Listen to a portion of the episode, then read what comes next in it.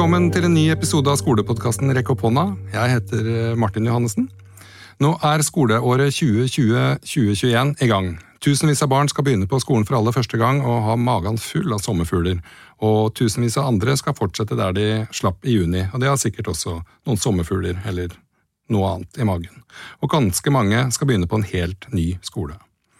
Alle sammen fortjener et trygt og godt læringsmiljø, og alle sammen fortjener gode lærere. Derfor er det viktig at vi får skolestarten til å bli så god som mulig. Så her er mine ti tips til en god skolestart for lærere. Tips 1. Vær blid og si hei. Et vennlig smil og et håndtrykk er det enkleste og beste trikset i boka for at folk skal føle seg sett. Hvis du føler deg sett allerede første skoledag, så er sjansen stor for at du føler deg sett de neste dagene også. Dessuten så er det hyggelig. Men dette skoleåret byr på andre måter å hilse elevene inn i klasserommet på enn å ta dem i hånda. Jeg liker spesielt godt når elevene rekker fram hendene som en skål, og at læreren svarer med en dæsj antibac og sier god morgen. Da får du sett elevene i øynene allerede når timen begynner, og det er jo en ganske bra ting. Tips nummer to Vær godt forberedt. Det er du som er sjefen i klasserommet, det er du som kan faget du underviser i, best. Alle skal lære seg å skrive, lese, regne og tenke selvstendige tanker. Alle skal lære seg å løse problemer som oppstår, alle skal lære seg å lære. En faglig trygg lærer motiverer elevene. I tillegg så kommer den nye læreplanen, og hvis de jobber på en god skole, så er de sannsynligvis godt forberedt allerede. Tips nummer tre Vær nysgjerrig. Alle mennesker har en historie som er spennende. Alle elever har en historie å fortelle, og det er din jobb å tro på den. Dessuten så er det egentlig ikke grenser for hva du kan være nysgjerrig på, særlig hvis du er nysgjerrig fra før. Tips nummer fire Finn juvelen i hvert barn. Læring er mye mer enn det vi kan måle gjennom tester og prøver. Elevene har mange talenter, mange gode egenskaper, og dessverre så er det ikke alltid at disse ferdighetene blir via noe særlig oppmerksomhet i skolen. Men hva om vi virkelig gjorde en innsats for å finne disse juvelene i hvert enkelt barn? Finne talentene, interessene, egenskapene og ferdighetene?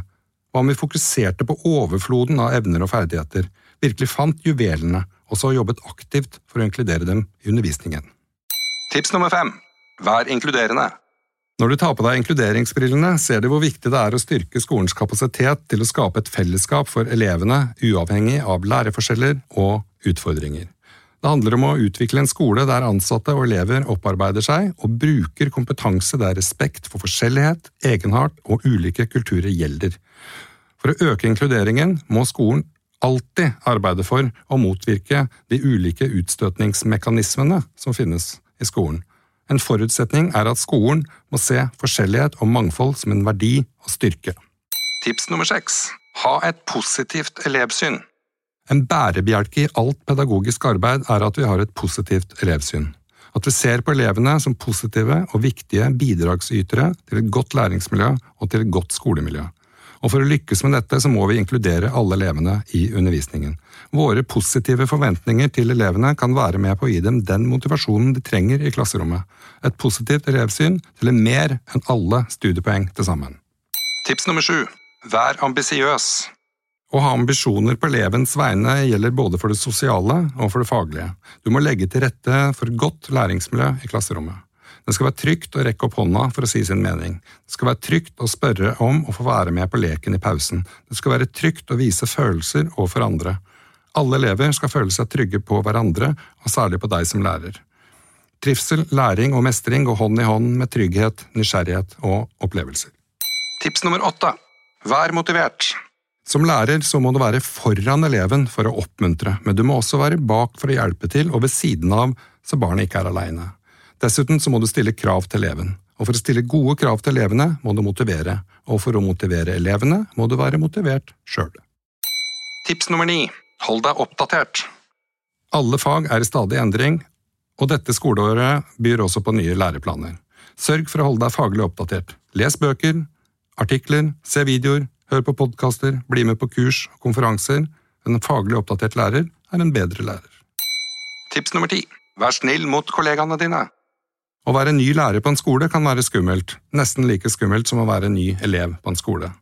Derfor er det viktig at nettopp du sørger for å være snill mot alle de nye lærerne som begynner på din skole. Og det skader jo selvfølgelig ikke å være snill mot de du kjenner fra før, heller. Jeg håper at disse tipsa er nyttige for deg, og at skoleåret ditt blir sykt fett. Husk å holde avstand, slipp elevene inn på bussen først, gå til jobben hvis du kan, vask henda, bruk antibac og pass på kohorten din. Vi er straks klar med en ny episode.